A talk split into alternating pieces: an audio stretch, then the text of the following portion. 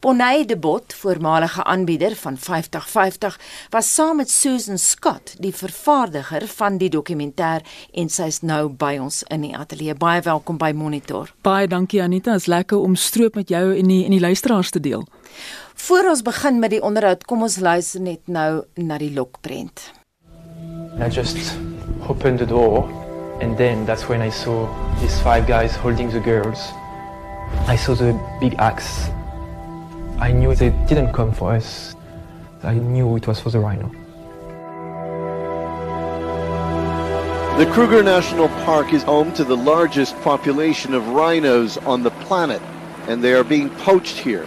An epidemic of slaughter. And at this rate, the rhino is doomed. And on the ground, the situation resembles war. Is the only one suspect that's been arrested? Yes, only one suspect, the Chinese national. The whole supply chain might start in Kruger, but where the hell does it end up? The center of the illegal trade in horns is Vietnam. There's no turning around now. The rhino, it will go like blood, like blood, you see? 94 US dollar for one gram. 94? It's a rhino. Het omtrent al oog net gemis. Wat net gemis. Second cause case number is... the evidence you're about to give will be the Report will note that the case number two is not present. He was shot and killed in Kruger after he was released on bail. Is it written today that I die? I don't fear being shot. I fear making a mistake and landing up in jail.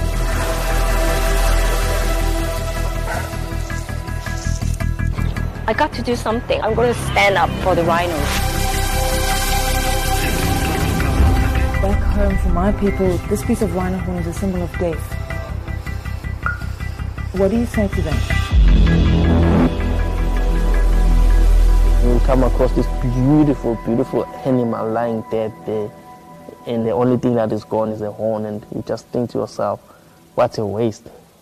Baie dramatiese klank daar. Nou die maak van die 2 uur lange rolprent so bietjie oor die 2 uur lank. Dit het 4 jaar geneem en die storie het ontwikkel soos wat jy daaraan gewerk het. Mm, maar vertel mm. vir ons, neem ons terug na die begin toe, Bonnie.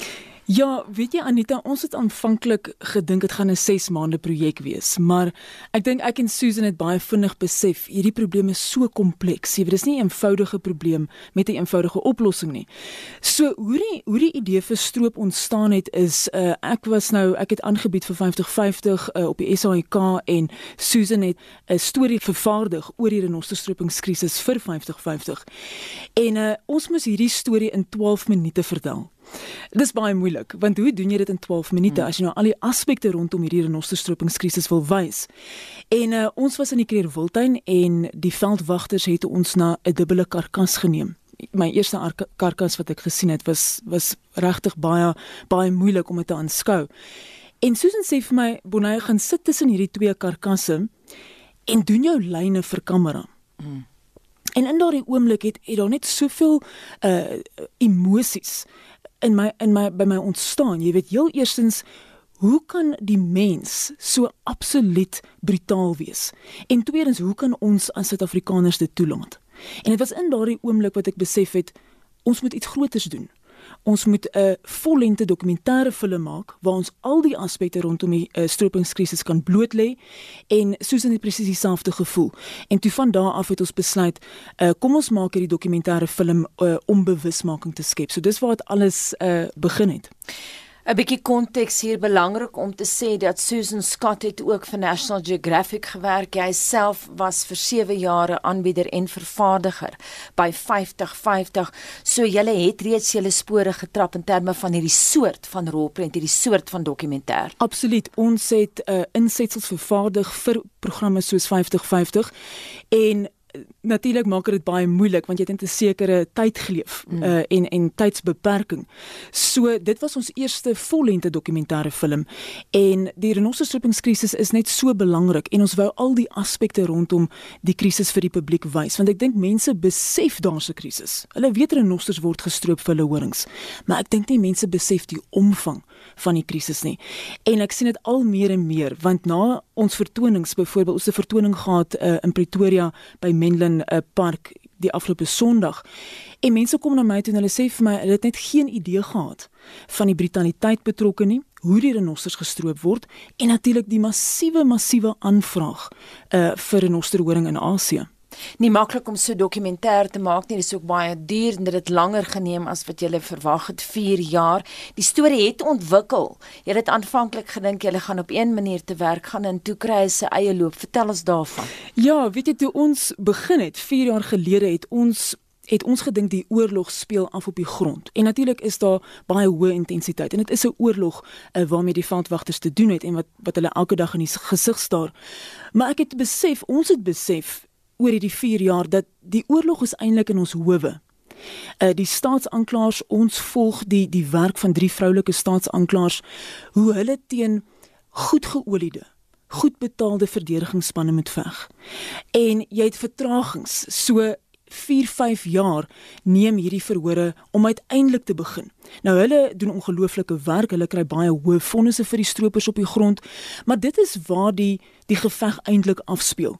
En dan jy die middelman Dis die ouens wat die renosterhonings natuurlik uit ons land uitneem. Nou ons het 'n uh, klopjagte vervilm saam met die polisie by by die lughawens en in een saak byvoorbeeld uh, is 'n Vietnamese man gearresteer met 3 horings in sy bagasie. Uh, dit was 12 miljoen rand werd mm. en hy het 'n boete gekry van 500 000 rand.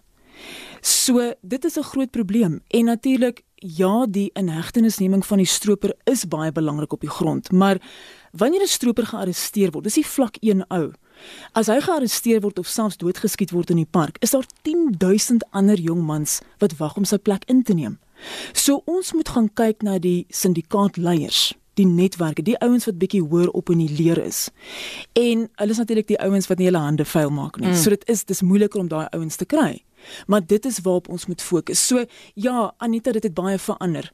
Uh daar's eintlik 'n groot deel van die film gaan oor ons regstelsel en ek dink op hierdie oomblik het ons 'n stelsel wat vir die krimineel werk en nie vir ons slagoffers nie. En hoeveel lande het julle geskiet? Ons het hoofsaaklik hier in Suid-Afrika vervilm. Dis natuurlik waar die meeste renosters in die wêreld is. Hmm. Uh ons het in Kenja vervilm en dan het ons ook natuurlik Asië besoek. So ons was in Laos, ons was in Hanoi en Hong Kong en China. Ook belangrik hier om te sê dat jy het jou lyf letterlik aktrise gehou, Nederlandse aktrise, want uh, jy moes maak asof jy horing wou koop. Vertel ja, ons daai ja. storie hoe jy te werk gegaan het, want dit moes baie baie uh, moeilik gewees het om daai rol te speel terselfdertyd te dink as jy uitgevang word, mm, dan is dit mm. die einde van die pad vir jou. Vertel ja, ons daarvan. Weet jy, ons het ons het natuurlik aansoek gedoen vir 'n filmpermit, maar ons wag nog steeds vir daardie permit. Dis nou van Vietnam nou. Dis nou van Vietnam. Want jy het dit in China ook geskiet. Ja. He?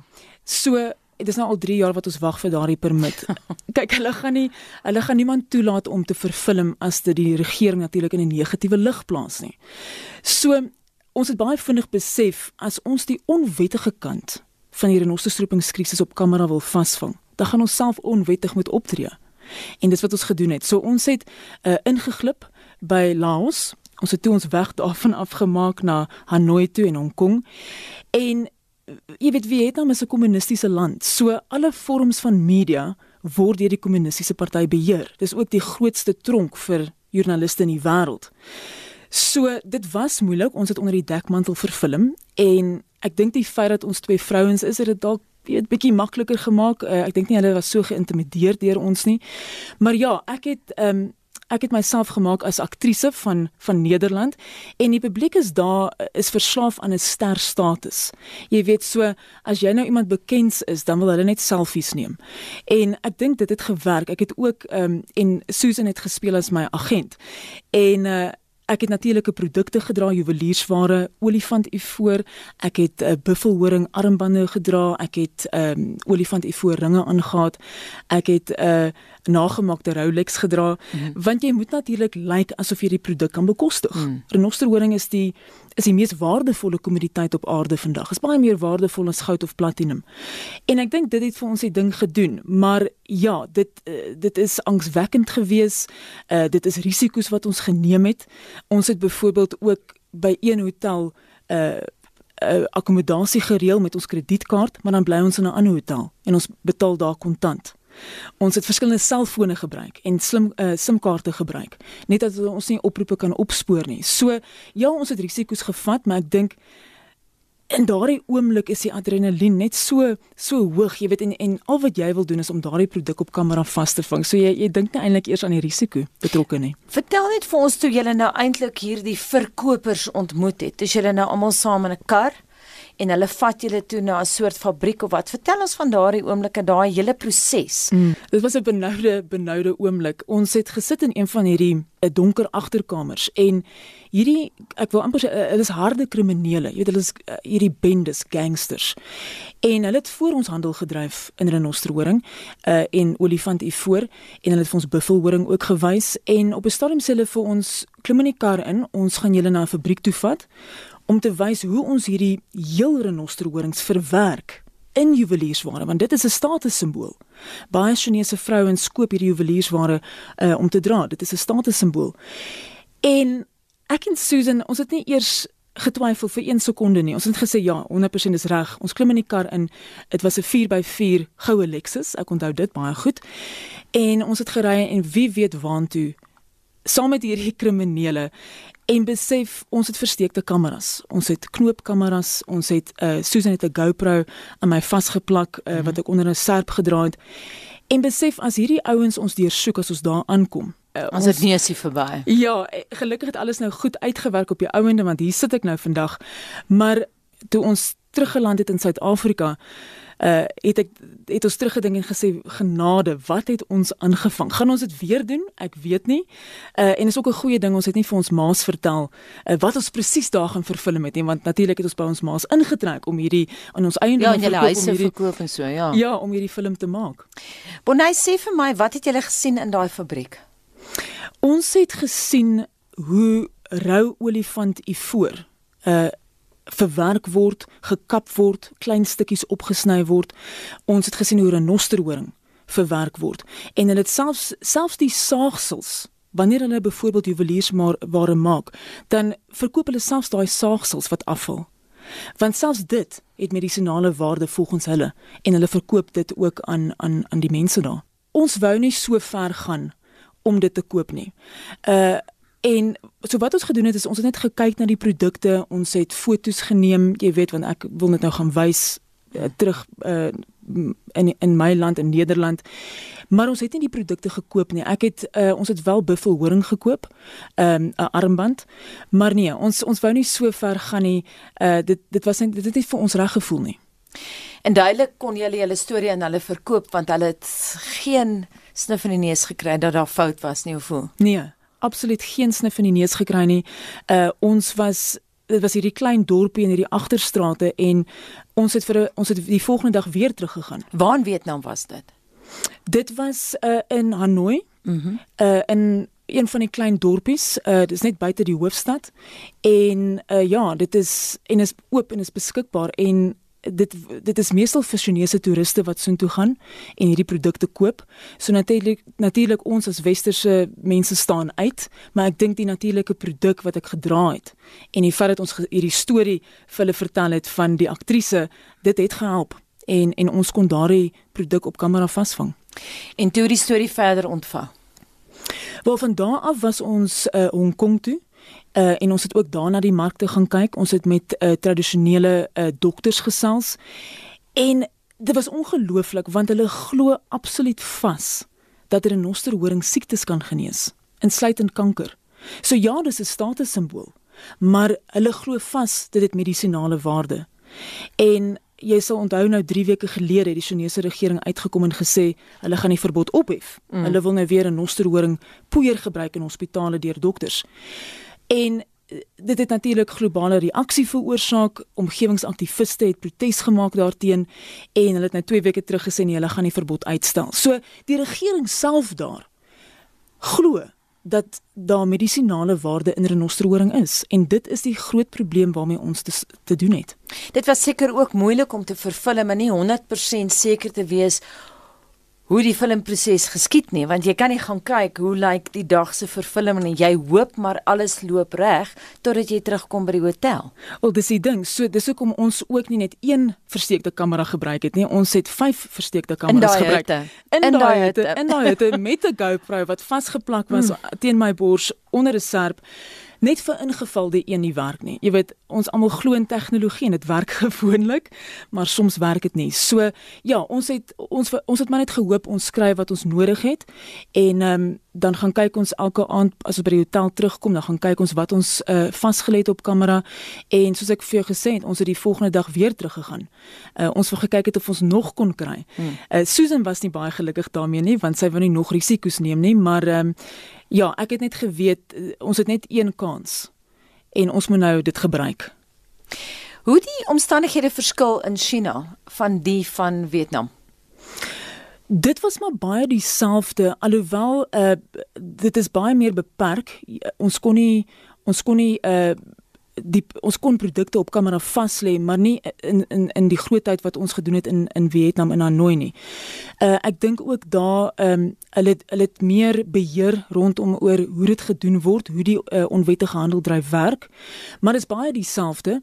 Maar ek dink wat ons besef het is dat ja, ons moet ons renosters veilig hou hier op die grond in Suid-Afrika maar die die aanvraag na renosterhoring en omtrent elke klas het wat op kamera het vir my gesê as hulle dit kan bekostig dan sal hulle dit koop en hulle sal dit gebruik en dis in beide lande gewees. Nou baie internasionaal, baie aandag getrek soos wat ons in die inleiding gesê het, julle het uh, 10 internasionale pryse gewen. Julle kan dalk nog 'n prys wen in Maart volgende jaar. Dis nou van die Hollywood Independent Documentary Awards. Dit word in Maart toegekend en julle is genomineer vir die prys. Wat vir my baie interessant is dat die Wêreldbank byvoorbeeld hmm. ook belangstel en die VN om die dokumentêr te vertoon. Mm -hmm. En dis wonderlik. Jy weet ons natuurlik wil ons hierdie film vir die publiek wys. Maar meer belangrik, ons moet dit wys aan diegene in magsposisies. Op die ouene van die dag is dit die ouens wat die besluite maak. So die Wêreldbank het ons gekontak. Hulle wil die film uh vertoon uh in Februarie. Die Verenigde Nasies se omgewingsprogram wil na die film kyk. En dan uh baie interessant, so 2 weke gelede het die uh, Global Initiative Against Transnational Organized Crime het ons gekontak en hulle die film vir joernaliste in Asië in Bangkok gespeel. En ek dink dit was 'n groot dit was iets groots om te bereik. Jy weet, ons moet ons moet dit wys vir die regte mense. En uh, dan is daar ook 'n filmfees in Hong Kong wat ons uitgenooi het om die film daar te vertoon en dit gaan ook vertoon word by universiteite in Asië. So ons kan nie net die film wys vir die publiek en die Suid-Afrikaanse publiek nie, maar ook vir daardie ouens wat regtig waar uh in daardie posisie sit om om verandering aan te bring, want dis wat ons nodig het. Ek dink ons doen dieselfde ding oor en oor en oor. Ons verwag 'n ander resultaat en dit werk nie. Daar word ook gesê in die lokprent, jy weet hierdie rolprent moet 'n verskil maak. Hmm. Gaan dit 'n verskil maak want dit hang alles af van die mark, nê? Dit hang af van die mark, maar ek dink dit gaan dit maak al klare impak. Ek, ek kan net sien Suid-Afrikaners na vertoning wat na my toe kom en sê hulle is weer aangevuur om iets te doen rondom hierdie renosterstropingskrisis. Jy weet, baie keer word daar vir my gesê Suid-Afrikaners is vuisfoos wanneer dit kom by renosterstropery. Mm. Mm. Maar ek stem nie saam daarmee nie. Ek dink mense wil weet wat gedoen word om hierdie spesies te red en natuurlik wat nie gedoen word nie. En ons wys albei kante in die film. Oorsee in Amerika en en uh Europa. Uh mense weet van die krisis, maar hulle weet nie van die omvang van die krisis nie. Hmm, jy het dit nou 'n paar keer al gesê die omvang is so groot, maar hmm. sê net vir waar's die grootste fout? Wat is die grootste probleem? Is dit wetgewing? Wetgewing, ons regstelsel. Ek dink ons moet gaan kyk na 'n minimum vonnis vir 'n osterstropery boetes eh, dit moet dit nie 'n opsie wees nie en ons moet borgtog gaan kyk na die voorwaardes vir borgtog. Jy weet as jy 'n veldwagter het wat vir jou op kamera sê ons is op die spoor van stroopers en wanneer ons hulle arresteer, dan besef ons maar ons ken hierdie ouens. 4, 5 jaar gelede het ons hulle gevang met bloedbevlekte klere, met die horings, met die geweer, met die byl, met die panga. Hier is hulle weer om 'n renoster te stroop. Dan is dit soos 'n klap in die gesig iewers moet iets verander en ek dink die fokus moet geplaas word op die wetgewing oor hoe ons regstelsel werk want natuurlik sodra die ouens gearresteer is die regsverteenwoordigers die eerste ding wat hulle wil doen is om die ou borgtog op borgtog vry te laat. Die tweede ding wat hulle wil doen is hulle wil die stelsel vir so lank as moontlik manipuleer.